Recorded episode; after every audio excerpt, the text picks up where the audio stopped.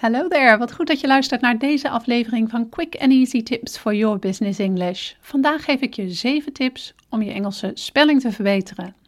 Mijn naam is Anneke Penella Drijver van Improve Your Business English en de auteur van het boek Master Your Business English: Communicate with Power in 7 Simple Steps. Ik help ondernemers en doelgerichte professionals van hun middelbare school Engels af, zodat ze ook internationaal met impact en vol zelfvertrouwen in het Engels kunnen communiceren.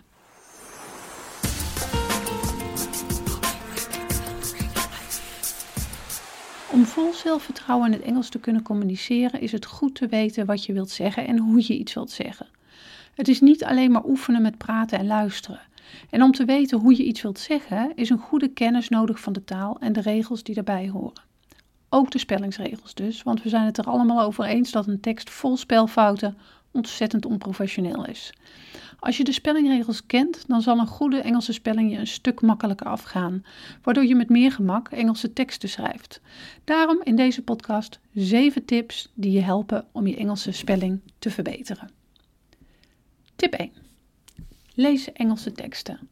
Of het nou Engelse boeken zijn of Engelse magazines, recepten of weer een heel ander soort teksten. Het gaat erom dat je de Engelse taal regelmatig voor je ziet. Het zien van Engelse woorden helpt je namelijk enorm met spellen, omdat een woord spellen eigenlijk in twee stappen gaat. 1. Je ziet het woord voor je in je hoofd en 2. Vervolgens schrijf je dat op. En als je regelmatig in contact bent met Engelse teksten, dan zie je de Engelse woorden weer vaker voor je en sla je die onbewust op. Ben je nou echt geen lezer? In de praktijk is het overgaan op het lezen van Engelse teksten helemaal niet zo moeilijk. Je kunt bijvoorbeeld ook gewoon een Engelse nieuwsapp downloaden of de taal van de Netflix-ondertiteling veranderen naar het Engels. Tip 2. Schrijf nieuwe woorden op. En met nieuwe woorden bedoel ik Engelse woorden die je nog niet kende. In het Engels lezen werkt al goed, maar lezen is een passieve activiteit waar je kijkt naar wat jou wordt aangeboden. Als je zelf een woord opschrijft, ben je actief bezig met het woord verwerken en kun je het daarom nog beter onthouden dan passief het woord lezen. En dit kan ook helpen als je het woord een volgende keer moet gebruiken en twijfelt over de spelling. Je kunt dan verschillende mogelijke spellingsmanieren opschrijven en vervolgens is er een grote kans dat je hersenen de juiste spellingswijze eruit pikken omdat je het woord al vaker hebt opgeschreven. Tip 3. Gebruik post-its voor je meest gemaakte fouten. Waarschijnlijk herken je dit wel, dat er een bepaalde woorden zijn waarvan je altijd over de juiste spelling na moet denken en je maar niet kunt onthouden welke manier van spellen de juiste is. Zelf heb ik het namelijk met het woord interview. Spel ik altijd fout. Maar bij dit soort woorden raak ik je aan. Schrijf het woord op een post-it en plak het briefje op je bureau of werkplek of een andere plek waarvan je zeker weet dat je het regelmatig ziet. Dan heb je het woord al een keer opgeschreven en zie je telkens de juiste spelling en dat zal je helpen om het woord te onthouden. Tip 4. Ken veelgemaakte spelfouten. Er zijn gewoon bepaalde woorden die net iets vaker fout gaan dan andere woorden. Niet alleen bij jou, maar bij heel veel mensen die het Engels als tweede taal hebben. Of zelfs bij Engelsen zelf, omdat het gewoon een moeilijk woord is. Op het blog van Improve Your Business English vind je diverse artikelen met veelgemaakte spelfouten. Sla zo'n artikel eens op of print het uit, zodat je de volgende keer naast je zakelijke tekst kunt leggen om deze te checken op fouten. Tip 5. Leer wanneer je de apostrof gebruikt.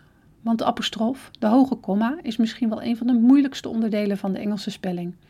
In Nederland gebruiken we hem natuurlijk ook, maar dan zijn er weer andere regels aan verbonden dan in het Engels. En daarnaast wordt de apostrof in het Engels veel vaker gebruikt dan in het Nederlands en zijn er een hoop regels en uitzonderingen rondom het gebruik van de apostrof. Ook over de apostrof staat een artikel op ons blog waarin je alle weetjes rondom de apostrof vindt, dat handig kan zijn om te onthouden. Een verkeerd gebruik van de apostrof kan namelijk zorgen voor schoonheidsfoutjes in je zakelijke teksten, wat weer kan leiden tot een onprofessioneel beeld van je organisatie. En dat zou jammer zijn als het makkelijk kan worden voorkomen. Tip 6.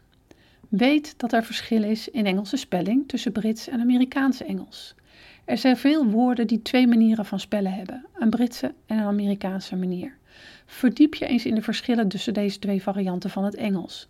Vaak maakt het trouwens niet zoveel uit of je nu Brits of Amerikaans gebruikt. Soms heeft het bedrijf een voorkeur voor de een, maar als je bij zo'n bedrijf werkt, dan krijg je dat waarschijnlijk wel te horen.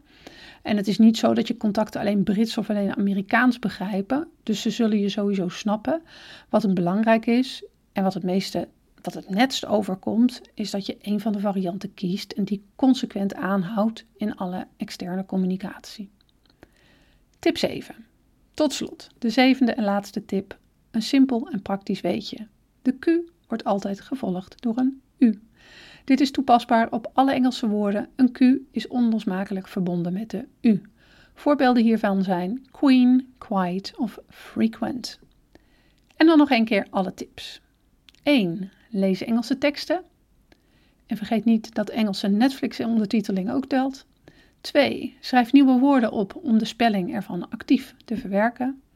3. Gebruik post-its voor woorden die je regelmatig verkeerd spelt. 4. Ken veelgemaakte spelfouten, zodat je een tekst daar extra op kunt checken. 5. Leer wanneer je de apostrof gebruikt. 6. Weet dat er verschil is tussen Amerikaanse en Britse spelling en kies er één um, voor je externe communicatie. 7. De Q wordt altijd gevolgd door de U. Realiseer je bij het horen van deze tips dat je Engelse spelling wel wat beter kan, dat je eigenlijk helemaal niet goed op de hoogte bent van de Engelse taalregels, of wil je er graag alles aan doen om je Engelse tekst zo professioneel mogelijk te maken? Bestel dan nu mijn boek Master Your Business English. Je vindt de link in de beschrijving van deze podcast. En vergeet niet je te abonneren op onze podcast, zodat je geen aflevering meer mist. See you next time met quick and easy tips for your business English.